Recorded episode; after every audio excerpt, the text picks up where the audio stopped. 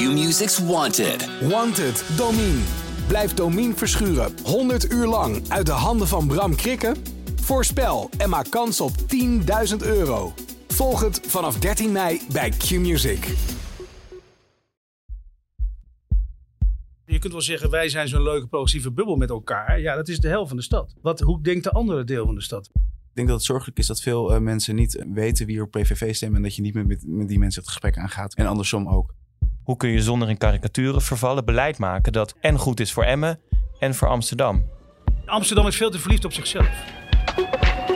De Tweede Kamerverkiezingen werden met afstand gewonnen door de PVV. Terwijl partijleider Wilders zijn handen in de lucht gooide, opperden sommige Amsterdammers op social media om verder te gaan als zelfstandige republiek.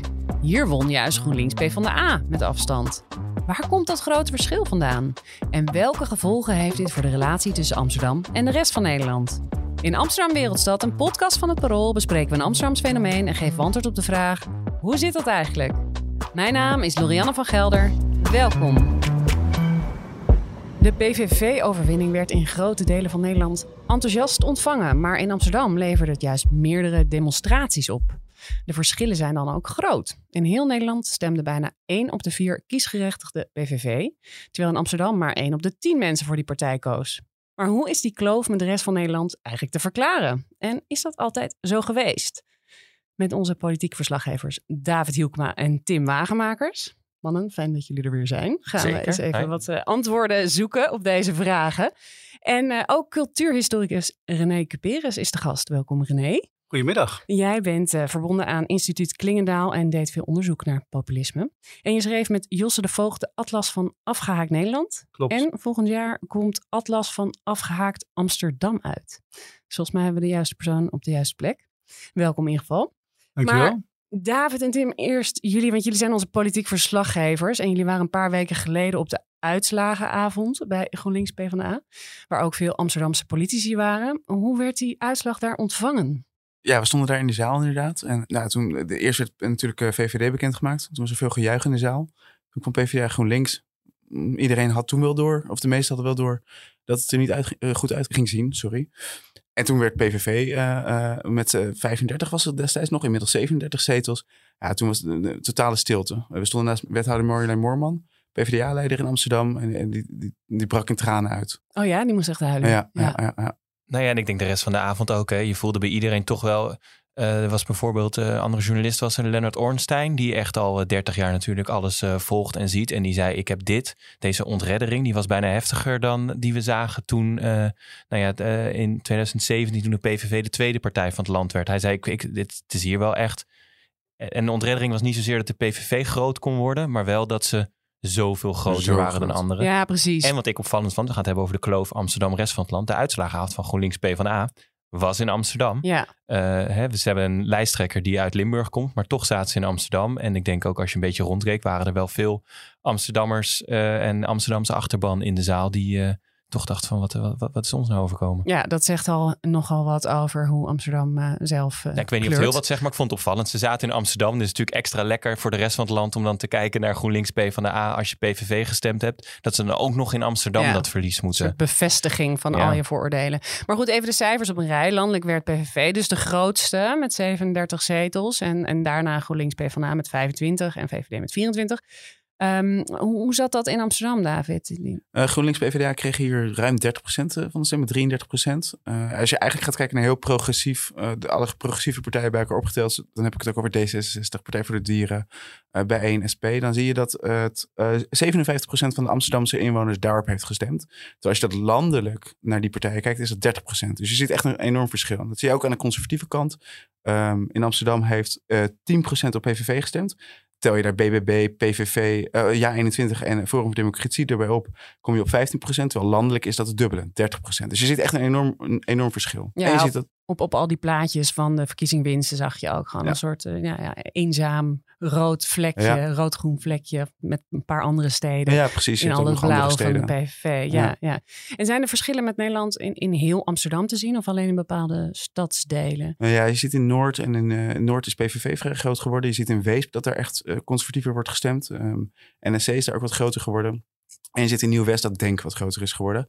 Maar over het algemeen, als je echt naar de kaart kijkt, dan zie je dat GroenLinks PvdA overal eh, het heel goed doet.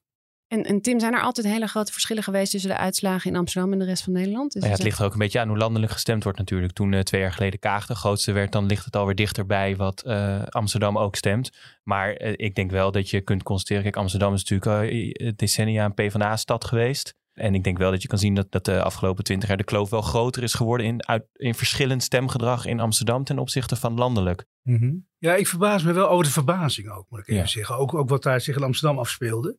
Ja, dat vind ik naïef en onverantwoordelijk eigenlijk. Mm. Hè. Dat Iedereen zo enorm verbaasd is over deze uitslag. Hè. Bij de Provinciale Statenverkiezingen BBB grootste partij, eerder Baudet. Het idee dat dat niet naar Den Haag zou komen is heel naïef en heel onverantwoord. Kijk je Europees wat aan de hand is. In Zweden, rechtspopulisten aan de macht. In Italië.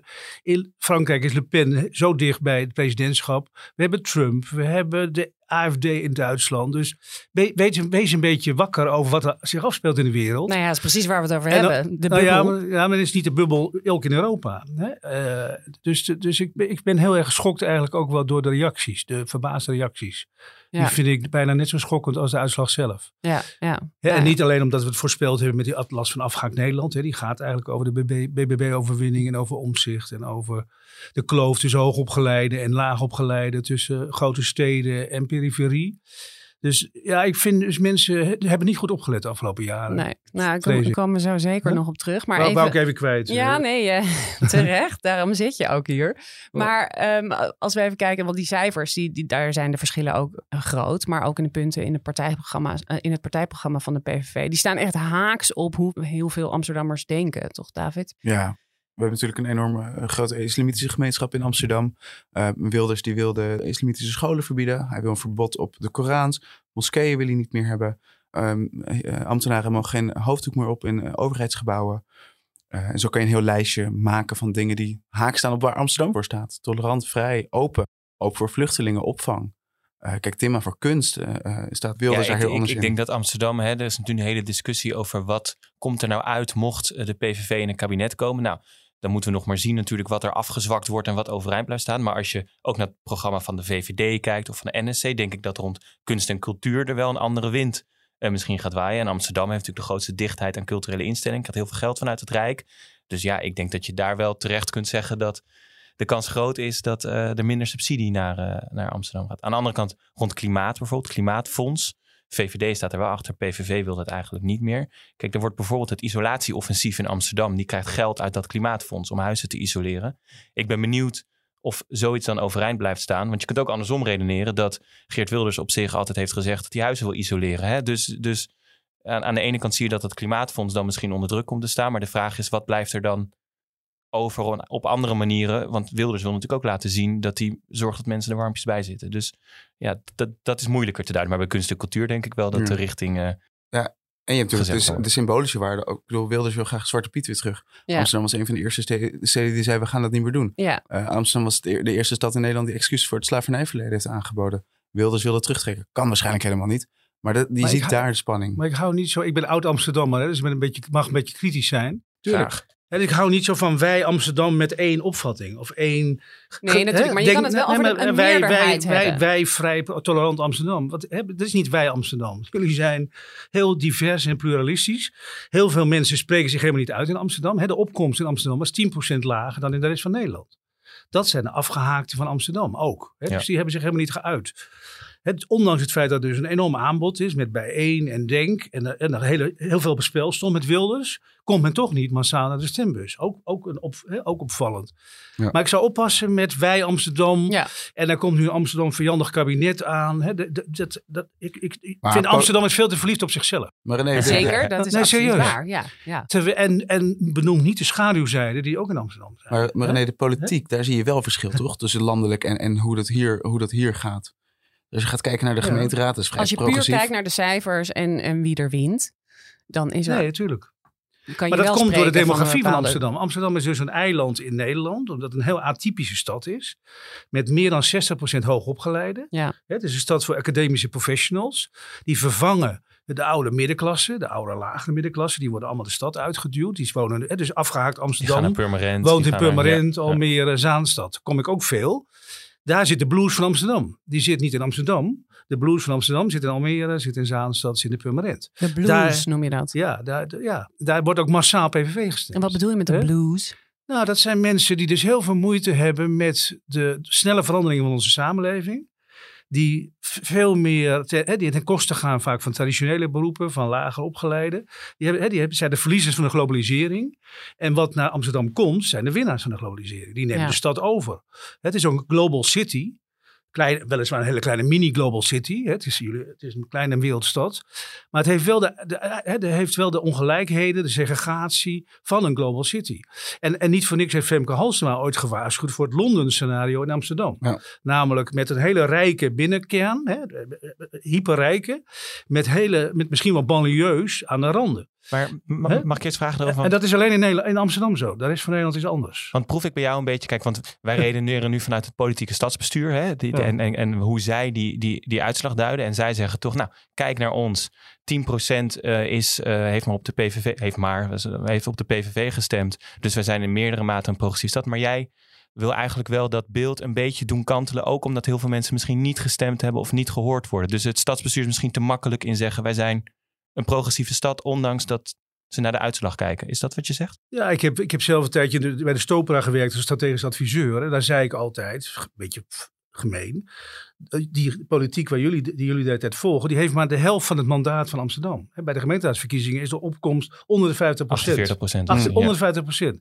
Dus waar die Amsterdamse politiek op steunt, is de helft van de stad. De helft niet. Ja. Wat doe je met de andere helft van de stad? Dus je kunt wel zeggen, wij zijn zo'n leuke progressieve bubbel met elkaar. Ja, dat is de helft van de stad. Wat, hoe denkt de andere deel van de stad ervan? Wat- Dus ik, dus ik zou op willen passen voor ge- zelfgenoegzaamheid in een stad waar toch heel veel ongelijkheid is. Dat, ook de, de paradox dat zo'n sociale, tolerante, progressieve stad zo'n enorme ongelijkheid Ja, je heeft zegt veroorzaakt in de afgelopen jaren. klopt dus Nee, eigenlijk klopt niet helemaal niet. van Maar, stad. Klopt helemaal nog één vraag daar dan over. Want 30% heeft inderdaad niet gestemd in Amsterdam. Om en Ja. nabij, iets minder. Ja. Hoe zou jij die groep duiden? En dat is natuurlijk super divers. Maar welke kant zou je dan opgaan als je dat, dat, noemt? dat ga ik graag uitzoeken met Jeroen Slot. Gaan we uitzoeken de komende maanden. Ja. Maar ik ben heel benieuwd wie de niet-stemmers zijn. Dat is vaak een heel ingewikkeld verhaal. Hè? Dat zijn niet alleen maar afgehaakte mensen. Dat zijn ook mensen die hun stemkaart kwijt zijn. Of die te druk waren met hun werk en zo. Dus daar moet je vrij genuanceerd naar kijken. Dus niet allemaal mensen die tegen de politiek zijn. Of tegen het establishment. Maar dat anti-establishment geluid in Amsterdam wordt niet vertolkt. Ja. Terwijl de PVV gaat over een keiharde middelvinger naar het establishment. Dat is waarom mensen PVV hebben gestemd, ja, ja. zeg jij. En is dat ook waarom Amsterdammers PVV hebben gestemd? Want er zijn wel Amsterdammers die PVV hebben gestemd. Dat, dat denk ik. In Noord. Hè, dat zijn, kijk, de tragiek van het afgehaaktheid is dat hoe meer jij afhankelijk bent van de politiek of aangewezen op de politiek, hoe cynische mensen over de politiek zijn. Het zijn juist de hoogopgeleiden die de politiek niet zo hard nodig hebben. Die heel erg veel vertrouwen in de overheid hebben en in de politiek. Maar de mensen die de politiek het hardste nodig hebben, daarop aangewezen zijn, die staan verst af van de politiek. Dat is heel tragisch. Het is eigenlijk nog tragischer. Het zijn de mensen die heel veel contact hebben met de overheid. Die met uitkeringen te maken hebben, met instanties, met toeslagen. Die, krijgen, die zijn helemaal beu hoe het establishment dus het, land en de stad bestuurt. Ja, ja. Dat, dat, dat is de harde paradox die onder dat, die afgehaakte atlas zit. ja. En dan zeg je van eh, dat zelfbeeld van Amsterdam eh, klopt niet. Eh, Amsterdam is een, een, een, diploma-democratie geworden, heb ik je wel eens horen Ja. zeggen. Dat we allemaal zo Diploma-stad wordt ja, het genoemd. precies. Ja, hoogopgeleid Ja. zijn, rijk zijn. Met En- expats hè, die ook niet stemmen. Hè, dus, dat is ook, hè, dus dat is ook wel een vraag. Hoe maak je een politieke gemeenschap en überhaupt een gemeenschap met expats? En met toeristen en met mensen die in en uit zo'n stad... Veel eh, mensen zullen niet eens weten dat eh, experts mogen stemmen tijdens de Nee. eh, gemeenteraadsverkiezingen. Ja. Want Nee. landelijk niet, maar gemeenteraadsverkiezingen wel. Maar de PVV is wel in Amsterdam Ja, ook, ook gegroeid dus. Ehm, en, en dan zeg je van er is wel een deel van de stad eh, wie dat aanspreekt. Nou, ik, kijk, Amsterdam is heel atypisch, is een eiland. Ja, Ja, dus mijn grapje ook in het parool van ze hebben een beperkt wereldbeeld. Ze, Ja. ze, ze denken dat ze heel wereldwijs zijn, maar eigenlijk hebben ze niet goed door hoe, hoe de wereld precies in elkaar zit. De MRA is wel gemiddeld Nederland. Dus de als je- metropoolregio Ja, Amsterdam. Ja, dus als je Zaanstad en Haarlem en Almere, dat allemaal bij elkaar, dat is gemiddeld Nederland. Dus ik zeg ook altijd tegen in de Stopera, jullie moeten je daar, je moet daar naar kijken eigenlijk. Wil je een gevoel hebben, antenne ontwikkelen voor wat er aan de hand is in Nederland, moet je niet alleen naar Amsterdam kijken, maar vooral naar de MRA. ja, ja. Maar, wat, maar wat ik interessant vind, wel ook in wat je zegt, als ik bij wijze van spreken een Marjolein Moorman zou spreken of een Rutger Grootwassing, ik denk dat zij in grote mate jouw analyse delen. Dat ze zeggen de mensen die afstand hebben tot de politiek, die er het vaakst mee te maken hebben met uitkeringen of toeslagen, dat dat ook de groep is die het minst vertrouwen in de politiek heeft. Zij zeggen, we, daar, daar proberen we dan op allerlei manieren wat aan te doen. En toch neemt die kloof alleen maar toe. Dus heb je, mijn vraag is eigenlijk, want je kent die stoper ook goed, hebben ze de analyse niet goed? Of is het gewoon heel moeilijk om er iets aan te doen? Ja, nou, dat is een goede, mooie, moeilijke vraag. Er zijn twee problemen. Eén, er is een groot probleem met links in Nederland. Zeker met de combinatie eh, PvdA GroenLinks. Die is nog elitairder geworden, nog meer hoog opgeleid dan de PvdA vroeger was. Hè, wat jij zei, vroeger was de PvdA in Amsterdam ook een monopoliepartij, maar een hegemoniaal. Maar dat was een volkspartij. In Amsterdam is de PvdA eigenlijk GroenLinks en D66 geworden. En Denk en Bijeen. Dat is uiteengevallen in al die formaties. In, Amst- in Rotterdam, wat veel meer een proletarische stad is. Werk, arbeidersstad. Ook inmiddels aan het veramsterdamiseren trouwens. zie je de uitslagen. ook, hè? ja. Maar daar zie je dat, dat, dat PvdA eigenlijk vervangen is door Leefbaar Rotterdam deels. En deels PvdA. Dus dat zit ingewikkeld in elkaar. Maar er is een probleem met links. Links heeft nul geloofwaardigheid. Is gebleken bij deze verkiezingen bij praktisch opgeleiden. Nul. Ja. Er heeft geen enkele praktisch opgeleide bijna de PvdA GroenLinks gestemd. Minder dan ooit. Dus daar zitten, hè, terwijl ze wel een enorm programma voor de onderkant hebben. Ja. Maar dat wordt totaal niet erkend en niet als geloofwaardig. Waar ligt dat dan aan? Want Nou, ja, dat dat is- sluit aan bij Tim. Daar heb ik een hele uur voor nodig om dat uit te leggen. Was ik al bang voor, ja? Het andere, Ik ook dat ze je goed willen betalen voor die eh, analyse. Ja. Nou, het is een andere, andere, nog complexere, eh, heel kort antwoord is... de politiek in Amsterdam is maar een beperkte baas. Dus de, de marktkrachten bepalen veel meer wat er in Amsterdam gebeurt. De, de huizenprijzen, de projectontwikkelaars, het groot kapitaal. Die bepalen eigenlijk wat de, wat de sociale samenstelling van Amsterdam is en niet de politiek. En dat is het grote drama. Dat, de, dat, dat de, strijd tussen politiek en de echte eh, marktkrachten, die wordt verloren. Waardoor Amsterdam een hele sociale stad is, maar eigenlijk op dit moment helemaal niet sociaal zich ontwikkelt. Ja, Daar om- zit een enorme paradox tussen wat de politiek in zijn hoofd heeft en wat er ei- feitelijk gebeurt. ja. En, En, daar zijn ze niet zo kritisch op in de stopera, vrees ik. Oké, ja. Nou ja, wat ook wel opvallend was, dat er meerdere demonstraties zijn gehouden tegen de eh, Ja. uitslag. Tim, jij was bij een van die demonstraties. Waar, waar werd er nou tegen gedemonstreerd? Nou ja, ja het, het woord tegen de uitslagen is natuurlijk een beetje als een rode lap op een stier. Want dan lijkt het net alsof ze de democratie niet Precies, erkennen. ja. Hè? Eh, Terwijl iedereen die ik daar sprak, die zei wel, daar gaat het me niet om. We demonstreren tegen eh, het feit dat we ons zorgen maken dat Wilders de grootste is. Maar toch, hè, daarbuiten wordt het natuurlijk gepercipieerd als... De, de, de, de uitslag wordt niet erkend. Eh, er was natuurlijk op de Dam op vrijdag, was een, eh, een, was eh, GroenLinks PvdA Amsterdam hebben dat eigenlijk geïnitieerd. Met allemaal maatschappelijke organisaties. Nou ja, toch ook om te laten zien solidariteit richting mensen in Amsterdam met een migratieachtergrond, islamitische achtergrond, die denken nu Wilders aan de macht is. Even heel erg gechargeerd gezegd, ben ik nogal veilig, kan ik mijn koffers pakken. Ja, om te laten zien dat dat in Amsterdam niet geaccepteerd zou worden. Dat was het idee daarachter. Ehm, en er was natuurlijk een demonstratie van ambtenaren. Er was een landelijke demo, werd opgeroepen. En Wij kwamen vooral ambtenaren uit Amsterdam, waren er 40 in totaal. oké. Ehm, Klein groepje. Bij de dokwerker, hè? je bij de Ja. dokwerker. Ja. Maar ehm, het, het was wel ook in andere steden, eh, ook in Den Haag zag ik dat ambtenaren eh, ook wel eh, sessies hadden georganiseerd van wat moeten we nou op het moment dat Wilders eh, aan de macht komt en antirechtsstatelijk beleid zou gaan uitvoeren. Dus dat waren de twee demo's. Burgemeester Halsema heeft zich ook uitgesproken. Die, zei, die, die schreef op Instagram: eh, Je bent een Amsterdammer, wij accepteren geen racisme, geen moslimhaat, geen xenofobie. Ze probeerde dus eigenlijk een soort verbindende toon aan te slaan, maar ook wel een reactie op eh, de winst van Wilders. David, hoe werd dat ontvangen dan? Ja, dat is natuurlijk voor haar moment om als burgemeester er te zijn voor alle Amsterdammers. En dat uit ze. En ik, ik, zeker die Amsterdammers die opgegroeid zijn met Wilders, die heeft gezegd minder Marokkanen en die dat racisme voelen. Ja, voor hen zal dit als een steun eh, zijn. Maar interessant vind ik eigenlijk wat Halsema daarna heeft gezegd. En die zei eh, tegen ook al die partijen, ook tegen GroenLinks, ook tegen PvdA, ja, eh, jullie maken je zorgen, maar uiteindelijk is er wel een, grondwet en een rechtsstaat. En daar, leven wij in. En ik verwacht ook van de politiek, eh, het, eh, de coalitie die het ook gaat worden, dat zi- zij zich hier gaan, gaan houden. Dus die was eigenlijk veel terughoudender in, in de uitspraken die nu ook door de ambtenaren worden gedaan. Of die, door de demonstraties die er zijn.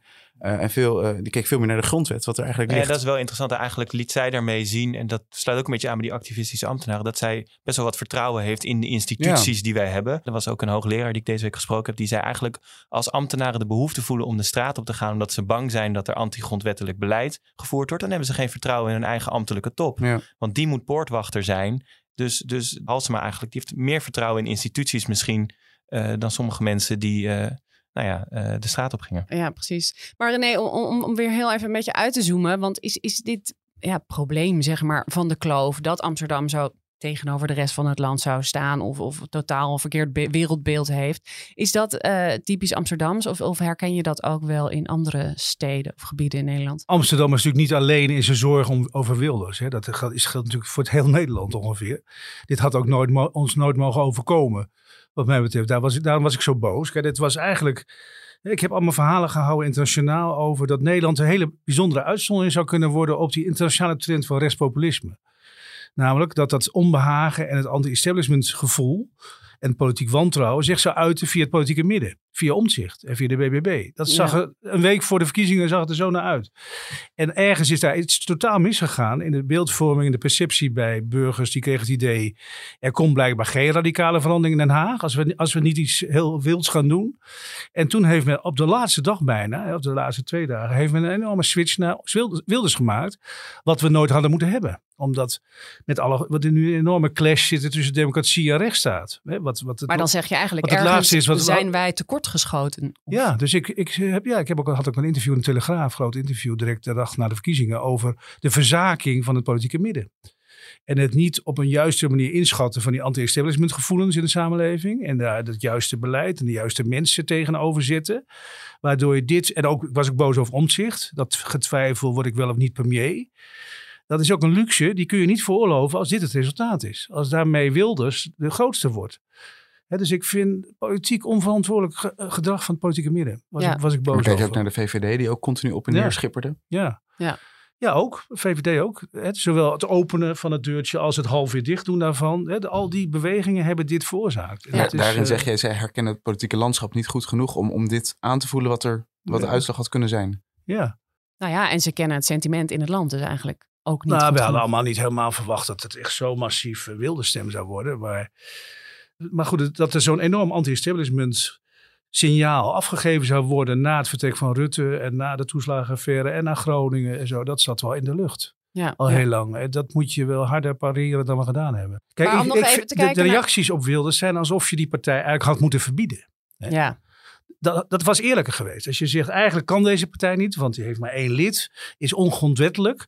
Dan hadden we het lef moeten hebben om te zeggen, hè, we hebben helaas Hadden we geen zo ver moeten gaan, zeg je dat? Nou ja, in Duitsland is deze partij onmogelijk. Je kunt geen partij hebben die geen eigen democratie heeft. Dus Duitsers, ik heb veel Duitse eh, collega's, die vinden het heel raar dat wij die partij toelaten. Dus, dat, dus van tweeën één. Of hij doet mee met het democratisch spel. En dan moet hij ook geaccepteerd. Dan moet, hij- dan moet je dit mandaat ook op een of andere manier verwerken in, de, in de formatie sfeer of die partij had verboden moeten worden. En die demonstraties in Amsterdam, die zijn eigenlijk alsof het een verboden partij is. Ja. Dat vind ik wel ingewikkeld. En is het nou zorgelijk, die, die kloof die tussen Amsterdam en de rest van het land? Ja. Nou, ik vind, de, Gordel ik vind de kloof in Amsterdam hè, zorgelijk. Hè, dus het Londen scenario van Femke Halsema. Dus het, als je een stad hebt zonder midden, en dat is wat dit laat zien. Hè, Ja. Want PVV is de lage middenklasse. Of CDA is de middenklasse. Of, hè, of de Omzichtpartij. Dat is, allemaal heel, dat is bijna afwezig in Amsterdam. Dus dat laat zien, jullie hebben een heel een hoogopgeleide bevolking. En een bevolking die of niet stemt, of op Denk stemt, of op de- deels PVV stemt. Dat is wel een hele ongelijke stad. Ja, maar dat is binnen de stad. Maar is het ook kwalijk of zorgelijk dat er tussen Amsterdam en de rest van, de, van het land Nou, zo'n groot verschil is? In, Ik in maakte een grapje tegen voorkeur? Bas, jullie collega, van het is maar goed dat Amsterdam niet ook de politieke hoofdstad van Nederland is, maar dat Den Haag dat is. Ja, Want dan zouden jullie helemaal vanuit deze bubbel het land besturen. Hè? Vanuit dit wereldbeeld met deze bias. Want die, die kloof is namelijk niet helemaal onschuldig. Het is ook een morele kloof. Ik heb helemaal geen probleem met hoogopgeleiden. Ik heb probleem met hoogopgeleiden die moreel neerkijken op anderen. En, en dat is vooral wat Dat gevoeld hand, wordt. zeg. Dat is Ja. wat gevoeld wordt, heel sterk. Of het waar is of niet, is het tweede. Maar er wordt heel sterk gevoeld, uit zit, hè, de BBB, bij PVV, dat zij moreel eh, minder waardig zouden zijn dan hoogopgeleiden die aan de knoppen zitten. ja, maar goed, we zijn de politieke hoofdstad niet. Is het dan toch nog zorgelijk, het verschil tussen Nou ja, ook aan en- jullie. Vinden jullie Ja, dat wat vind jij? David? Hmm, twijfel. Ja, ik denk dat het wel zorgelijk is. Ik denk dat het zorgelijk is dat veel eh, mensen niet eh, weten wie er op PVV stemmen. En dat je niet meer met, met die mensen het gesprek aangaat. En andersom ook. Ik denk dat heel veel mensen in Amsterdam-Oost geen idee hebben wie er in Nieuw-West wonen. En andersom. En ja, dat is zorgelijk. Tim, heb jij daar een, een mening over? Denk je dat het, dat het meer nader tot elkaar moet komen? Of is het gewoon een, een gegeven en Ja, Nou, is wat, ik, wat, wat, ik lastig vind, of eh, eigenlijk in het hele gesprek, maar dat is altijd de zoektocht. hè. Ik denk dat, dat het in jouw werk altijd de zoektocht is. Hoe kun je een algemene uitspraak doen, terwijl je toch oog hebt voor dat er daarin ook weer allerlei diversiteit zit en iedereen anders Ja. is. En, en wat, wat ik wel de afgelopen twee weken waar ik me zorgen maak in de kloof, is ook misschien een beetje het beeld dat we van elkaar hebben in de zin van eh, d- dat we een karikatuur maken, zeg maar, ja. vanuit onze bubbel eh, richting de rest van het land. En vice versa, alsof hè, eh, in Amsterdam niet eh, problemen leven die ook spelen. Ik bedoel, als je het hebt over woningnood. eh, ik, ik, ik zag een reportage ergens, volgens mij was het in de buurt van Emmen. Nou, daar kon je bijna één op één plakken op de zorgen die jongeren in Amsterdam hebben over woningen. Alleen Ja. in Amsterdam is natuurlijk de schaal groter, omdat er veel meer jongeren wonen. Maar ik, hè, dus, dus daar maak ik me wel zorgen over dat we eh, ook in, met een nieuw kabinet dat we doen. Je hebt Amsterdam en de rest van het land. Maar volgens mij heb je gewoon problemen in het land. En is de vraag: hoe kun je zonder in karikaturen vervallen beleid maken dat Ja. en goed is voor Emmen Ja. en voor Amsterdam? Dat En, ik een goede benadering. Ja. Ja. Waar ik wel hoopvol van ben, over ben, the- theoretisch, zijn die masterplannen. Hè, van Amsterdam. Van Richting Zuidoost en Zuidoost en, Nieuw-West Noord en. Nieuw-West. hè. Dus dat, dat is echt een reality test van kun je die stad weer één maken? Of verdiep je per ongeluk de kloof daarmee? Kan ook. Hè? Dat, die masterplannen zijn, zijn heel link. Die kunnen ook meer wantrouwen genereren in plaats van Hmm. bescherming of, of hulp suggereren. hè. Ja, en dan gaat het dan weer over de kloof in Amsterdam. Maar Ja. inderdaad, je hebt het ook over de afgehaakte Amsterdammers die al naar Purmerend en, en Hoofddorp en Almere zijn vertrokken. Wat zou Ja. Amsterdam verder kunnen doen om, om die kloof met, ja, met die afgehaakten weer, weer kleiner te maken? Je hebt hele nostalgische websites van Almere's over Amsterdam zo. Hè? Dat, ik weet niet hoe die heet ook weer. En die gaan dan één, keer- elk weekend gaan in naar de Javastraat, naar de laatste haringkraam, nog een haringje halen en zo. Er zitten enorme nostalgische verbanden tussen die oud-Amsterdammers en Amsterdam. Hè, die relatie van Amsterdam is natuurlijk enorm. Ik geloof dat ONS wel eens gezegd heeft, de Amsterdammers die nu het meest eigenlijk ge- gepokt en gemazeld zijn in Amsterdam, zijn de Marokkaanse eh, gezinnen in Nieuw-West. Die wonen het langst in Amsterdam. Ja. Van alle Amsterdammers. generaties. Ja, Oh, ja, ja. ja. Weet je, wel, om even aan te geven wat voor enorme doorloopsnelheid die stad heeft. En hoe moeilijk het is om daar een gemeenschap van te maken. Ook een politieke gemeenschap. Eh, en, en hoe je, zeer je ook de banden moet aan blijven halen met de oud-Amsterdammers. hè. Dus goede verbindingen vind ik cruciaal. Dat Dus letterlijk gewoon goede verbindingen als een metro Ja. of een, een goede Ja, dat soort dingen. En ook wel, hè, dus als Amsterdam enorm boomt en die andere steden het financieel veel minder goed doen. Of daar zijn veel, hè, kijk, Almere is vrij, er zijn enorme sociale problemen in Almere. Hè, daar kom ik wel regelmatig. Dus de, hè, de eenzaamheidshoofdstad van Nederland en zo. Dat is, hè, dat is best een ingewikkelde stad ook, omdat er geen gemeenschap was. Hè, dat moet helemaal gebouwd worden. Dus iets meer empathie, iets meer ondersteuning van die moeilijke steden om Amsterdam heen binnen de MRA zou al heel eh, Dus solidair op- zijn. oproep naar de politiek. Ja, Ja, maar, is, ja. maar is de gemeente daar al mee bezig? Nee, niet zo actief. Niet, ik heb het in ieder geval nooit in deze woorden gehoord. Ze zijn er wel mee bezig en ze hebben bijeenkomsten en ze doen eh, eh, veel samen. Want ze moeten veel projecten samen doen, financieel gezien. Ja. Maar de bewoording en het symbolische dat er achter schuil gaat, wat, wat, wat René nu zegt, dat hoor ik niet vaak. Die culturele samenhang Ja. eigenlijk ook weer behouden. Ja. Ja. Nou ja, ze zitten natuurlijk in de MRA. Hè? En daar aan de ene kant wordt natuurlijk veel naar Amsterdam gekeken. Ja. Omdat Amsterdam toch ja, de dominante stem daarin is. Maar je hoort daar natuurlijk ook af en toe wel kritiek van... hé, hey, niet alles naar Amsterdam toe. We moeten even breder Hmm. kijken. En, Nou, je hebt, eh, onlangs miljoenen naar Noord gegaan die dan samenwerken met Zaanstad. Dus het is, er zijn wel samenwerkingen. Maar het, ik denk dat het de kracht hiervan het symbolisch is. Dat je het ook zo uitdraagt Mhm. als stad. En dat je daardoor weer eh, de bewoonde oud-bewoners ook weer bij de stad betrekt. Ja, ja. En heel pragmatisch gedacht moet Amsterdam, in ieder geval de gemeente, de politiek, ook niet heel eh, ja, vredelievend naar Den Haag eh, gaan Nou ja. communiceren. Van ja, ze zijn toch ook afhankelijk Ja, van het. Halsema heeft dat eh, in 2020 gedaan bij haar toe- nieuwjaarstoespraak. Die heeft inderdaad gezegd, we kunnen het niet alleen, we moeten het samen doen. We zijn een prachtige stad, maar we moeten het samen doen. Maar ik zelfs denk dat voor de stad zelf, als je kijkt naar wie hun dan wel het mandaat heeft gegeven, die helft, wel, wel ja, logisch is dat ze nu niet meteen in de stand zitten van eh, jongens, eh, eh, vredelievend, we moeten samenwerken. Er is natuurlijk wel iets gebeurd met de verkiezingsuitslag. Ja. Dus, dus op zich, het, het heeft ook een soms een beetje tijd.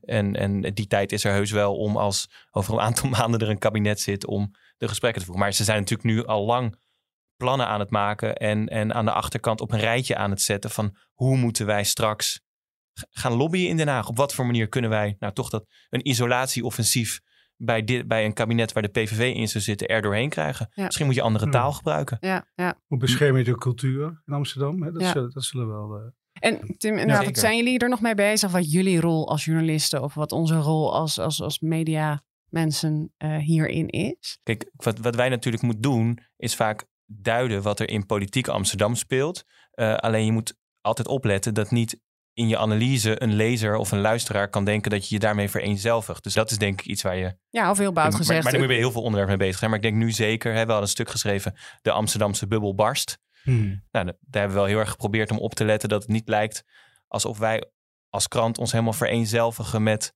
die bubbel. Want we willen natuurlijk breder kijken. Dus Ja. dat is denk ik een dilemma. En ook al zijn journalisten vaak ook precies die hoogopgeleide Amsterdammers. Die Ja. Dat, misschien dat wereldvreemde. De, nou, hoogopgeleiden hoeven niet per se wereldvreemd te zijn. Ze moeten zich trainen om uit, eh, uit hun bubbel te kijken en de bias, bewust te zijn van de bias. Ja, En dat geldt ook voor de ambtenaren op de, in de stoperen, op de, de- departementen. Ja, De, de, de enorme opmars van hoogopgeleiden in Nederland is, eno- is zo groot dat overal die eigenlijk aan de knoppen zitten. En dat, dat heeft deze eh, populistische opstand veroorzaakt. Ja. Ben ik van overtuigd. Ja. En als we, en dat was niet nodig geweest als je met meer empathie was omgegaan met de andere helft van Nederland. Daarmee eindigen we dit gesprek eh, over de kloof tussen Amsterdam en eh, de rest van het land en de verkiezingsuitslag. David Hielkema, Tim Wagemakers en René Cuperus. En alles over de kabinetsformatie die nog, waarschijnlijk nog eh, wel een tijdje gaat duren. En de politieke verschillen in Amsterdam en Nederland lees je op parool.nl en in de Parool-app. Ehm, in februari komt geloof ik de atlas van Afgehaakt Amsterdam uit. Ja, februari, maart. we zullen in ieder geval een aantal linkjes in de show notes zetten van eh, artikelen. En eh, nou ja, dit was dus Amsterdam Wereldstad. Een podcast van Parool. De productie en de montage waren van Verena Verhoeven. De eindredactie door Jo- Josien Wolthuizen. Rinke Bartels maakte de muziek en het artwork is van Sjoukje Bierma. Wil je nog reageren of vragen stellen? Doe dat dan via podcast.parool.nl. Bedankt voor het luisteren en tot volgende week. Q-Music's Wanted. Wanted, Domine. Blijf Domine verschuren 100 uur lang uit de handen van Bram Krikken? Voorspel en maak kans op 10.000 euro. Volg het vanaf 13 mei bij Q-Music.